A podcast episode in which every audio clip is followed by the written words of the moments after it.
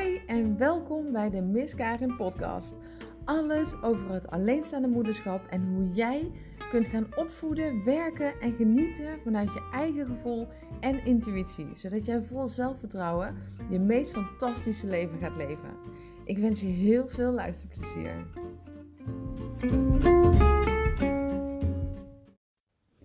Hoi en wat super leuk dat je luistert naar deze allereerste Miss Karin podcast gewoon. En ik kan bijna niet geloven dat ik deze dus echt nu aan het opnemen ben. Uh, ben. Want ik vind het zo verschrikkelijk spannend. Ik zit het al twee weken uit te stellen. Ik heb, het is inmiddels kwart over tien en ik heb het al twee uur op. En nou ja, ik heb allerlei dingen in mijn hoofd waarvan ik denk nee, nee, nee, nee en maar uitstellen. Dus ik ben super blij dat ik nu die stap heb genomen om deze allereerste podcast op te nemen. En ik hoop dat je het me een beetje vergeeft. Dat ik dus inderdaad het ook wel een beetje heel erg spannend vind. Ah, maar goed, we doen het. En um, je mag nog veel meer podcasts verwachten, want ik ben echt van plan om dit met regelmaat te gaan doen. En ik ben al heel comfortabel met video's opnemen, met stories op mijn Instagram opnemen, uh, live uitzendingen geven in mijn Facebookgroep of op mijn pagina, artikelen schrijven op mijn website. Daar draai ik allemaal inmiddels mijn hand niet meer voor om. Maar een podcast opnemen, ja, weet je, dat is dan toch wel weer nieuw en een beetje spannend. Maar goed, wie ben ik? Want naar wie zit je te luisteren? Je zit naar mij te luisteren, naar Karin. Karin Schrijver, oftewel Miss Karin. En ik ben een alleenstaande moeder. Inmiddels alweer meer dan 12 jaar. Met hier en daar natuurlijk wel een relatie, maar echt een alleenstaande moeder. Dat werd ik in uh, de zomer van 2007. En inmiddels ben ik 40 jaar. Mijn zoon is nu 14 jaar, dus als je kunt rekenen, dan was dus Robin anderhalf uh, toen wij uit elkaar gingen. En Robin was 2,5 toen ik dus, nou iets meer dan 2, niet helemaal 2,5, iets ouder dan 2, toen ik uh, er alleen voor kwam te staan. Dat dus de scheiding echt helemaal rond was. En uh, dat, ik, uh, ja, dat, ik een, dat ik weg moest uit ons huis. Het huis was verkocht. Nou ja, dat allemaal. Inmiddels wonen we in de prachtige Betuwe.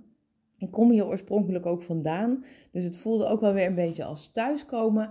Was ook wel weer heel fijn en vertrouwd, maar we kwamen wel te wonen in een helemaal uh, nieuw dorp waar ik echt ook helemaal niemand kende. Dus dat was ook weer een hele overgang.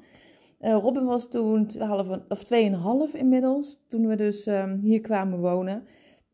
Ja, en inmiddels is er zoveel veranderd.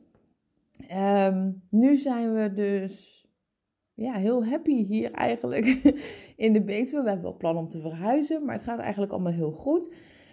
Um, ik ben inmiddels zo'n 7 tot 8 jaar ongeveer bewust bezig met intuïtie en het meer leven vanuit mijn eigen gevoel. En het gebeurde eigenlijk al wel sinds uh, toen ik uh, Robin, toen ik zwanger was van Robin en toen Robin geboren is. Ik voelde wel dat dingen anders mochten. Maar toch bleef ik nog op heel veel vlakken hetzelfde doen. En ik voelde wel dat ook qua opvoeding met Robin. Uh, Robin die heeft het eerste jaar heel veel gehuild. Achteraf gezien zou je kunnen zeggen dat het een beetje een huilbaby was. Um, ja, weet je, en, en ik voelde wel dat het, dat het anders mocht. Dat er iets was ook en dat, dat ik dieper mocht graven daarin. Maar ik bleef hetzelfde doen wat ik al die jaren al deed. Uiteindelijk hakten we dus de knoop door om uh, de vader van Robin en ik om uit elkaar te gaan.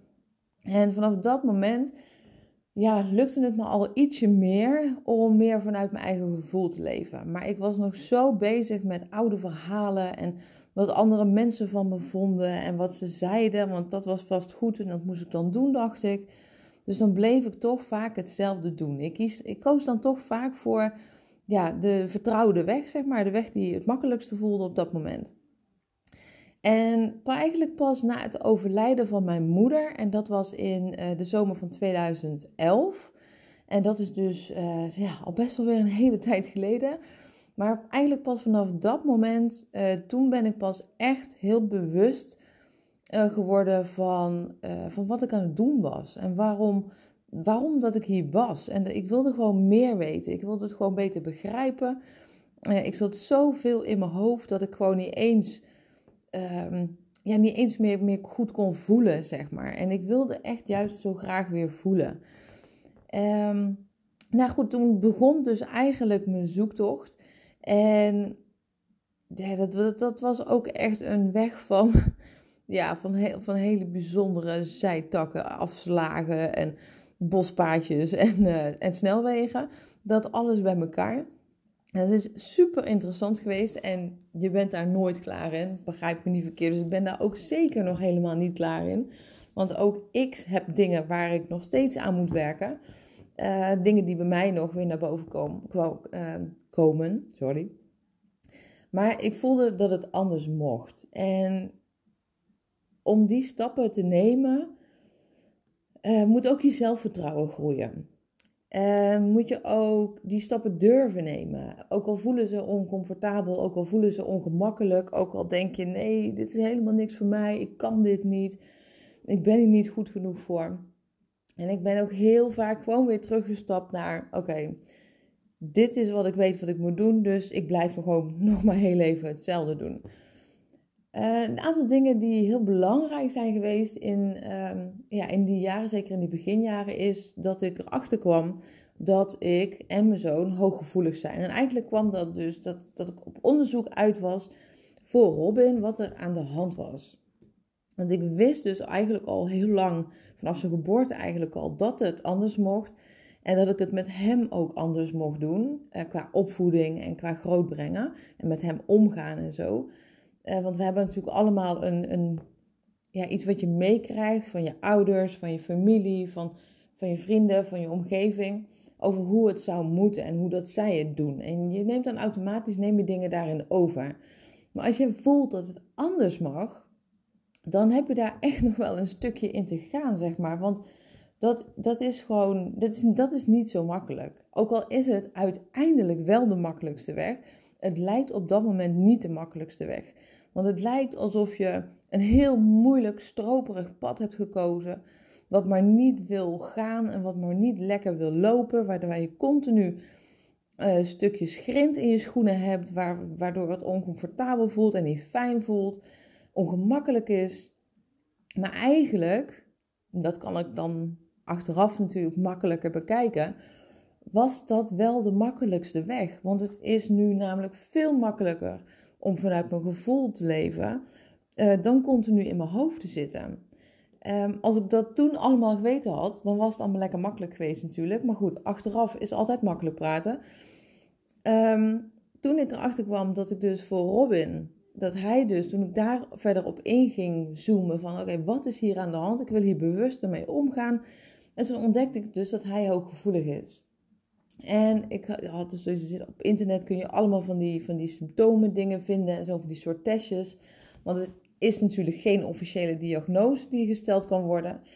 Ehm, maar toen ik dat dus allemaal las, dacht ik, ja, dit is echt een feest van herkenning. Ik begrijp, uh, begrijp hem nu gewoon beter. Ik begrijp beter waarom hij de dingen doet zoals hij het doet. Waarom hij zo reageert.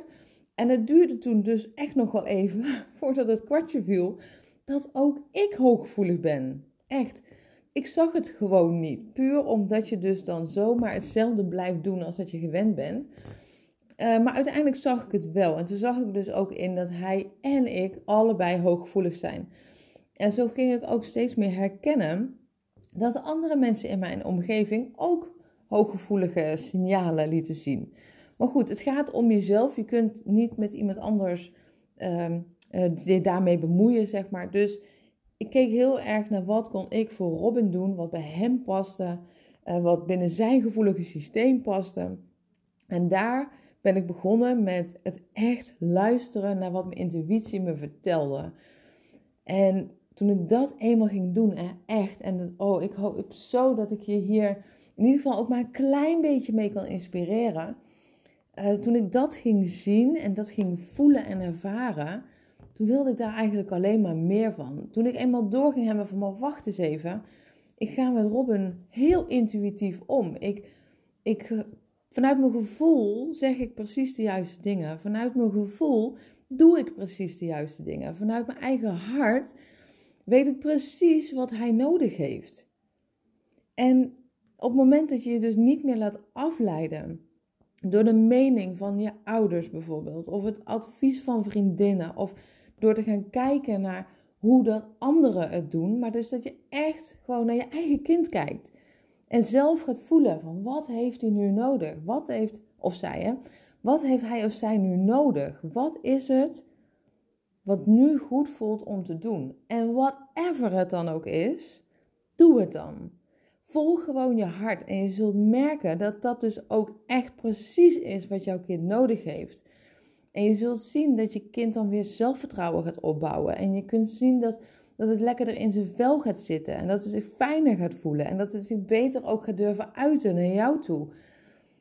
Puur en alleen maar door dus te gaan voelen. Wat heeft mijn kind nu nodig? Wat kan ik nu voor hem of haar doen? En echt, toen ik dat ging realiseren, toen ging het, toen ging het zoveel beter met hem, maar ook met mij. Want ik ging me toen ook realiseren dat ik datzelfde natuurlijk wat ik op hem toepaste, ook op mezelf kon gaan toepassen. Ja, weet je, en toen ik dat dus eenmaal ging doen, toen ik dus echt ook wat ik bij hem toe ging passen, bij mezelf ging gebruiken, toen ben ik echt aan die ontdekkingstocht begonnen voor naar het intuïtief luisteren naar mezelf. Wat zegt mijn gevoel voor mij? En nou ja, daar, we zijn nu inmiddels zo'n acht jaar verder, negen jaar verder daarin. En elke keer kom je dingen tegen. En want je hebt een leven lang aan ervaringen opgebouwd, aan meningen opgebouwd, aan verhalen in je hoofd opgebouwd. Je hebt uh, familiesystemen, heb je natuurlijk. Je hebt patronen die je van je familie hebt overgenomen. Uh, je eigen patronen heb je ontwikkeld. Nou, al die dingen. Je komt allerlei shit tegen. Dat is ook een feit. Maar het fijne is dat je daar stukje bij beetje doorheen kunt gaan groeien. En dat je daar dat, dat je dat kunt gaan omarmen en lief kunt gaan hebben. En dat dat gewoon mega, mega waardevol is voor hoe leuk jouw leven is. Want als ik nu dan al, al die jaren terugkijk hè, van de afgelopen jaren, dan denk ik, wauw, wat is mijn leven verrijkt door juist naar mijn eigen gevoel te luisteren. En wat was mijn leven eigenlijk leeg voor die tijd. En dankzij het feit dat ik Robin heb mogen krijgen, dat hij in mijn leven is gekomen, dat ik ervoor heb gekozen om vanuit mijn gevoel hem op te willen kopen. Dat was een soort wake-up call die ik nodig had. En zeker ook daarna, toen mijn moeder is overleden, dat was echt ook een, was een hele verdrietige, hele pijnlijke periode.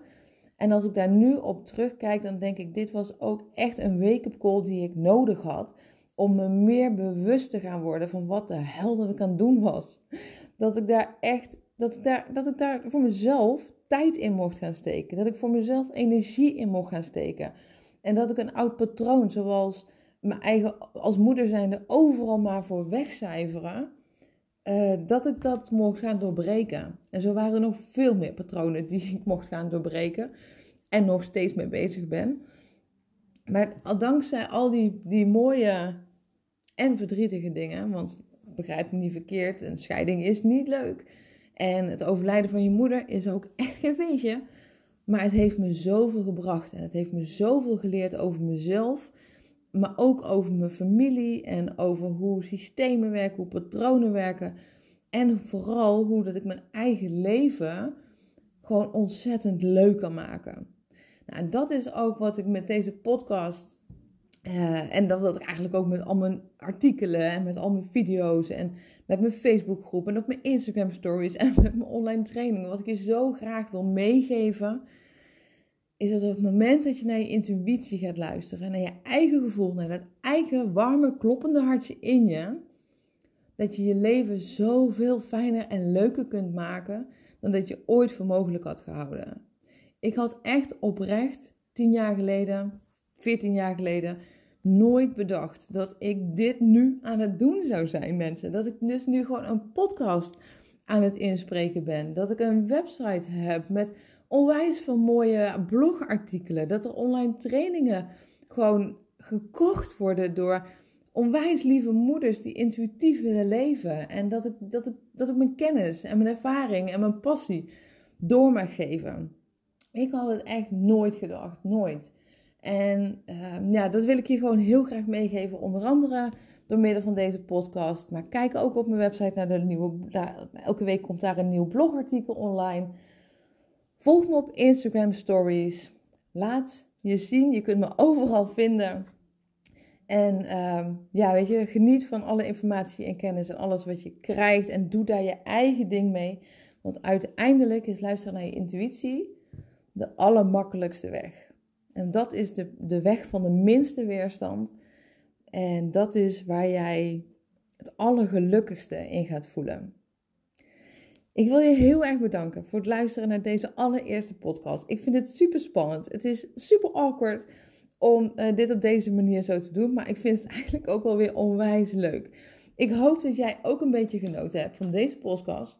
Podcasts, sorry. En ik nodig je uit om uh, je te abonneren, zodat je de volgende podcast niet gaat missen. En mocht je deze podcast via iTunes luisteren, laat dan even een review achter. Want daar help je mij enorm mee om deze podcast meer zichtbaar te laten zijn. Yes? Dus vergeet je niet te abonneren. En dan hoor ik je heel graag snel weer bij een volgende podcast. Of misschien zie ik je wel ergens anders op een platform te verschijnen. Ik wens je een hele fijne dag. Dankjewel voor het luisteren. En tot snel. Doei!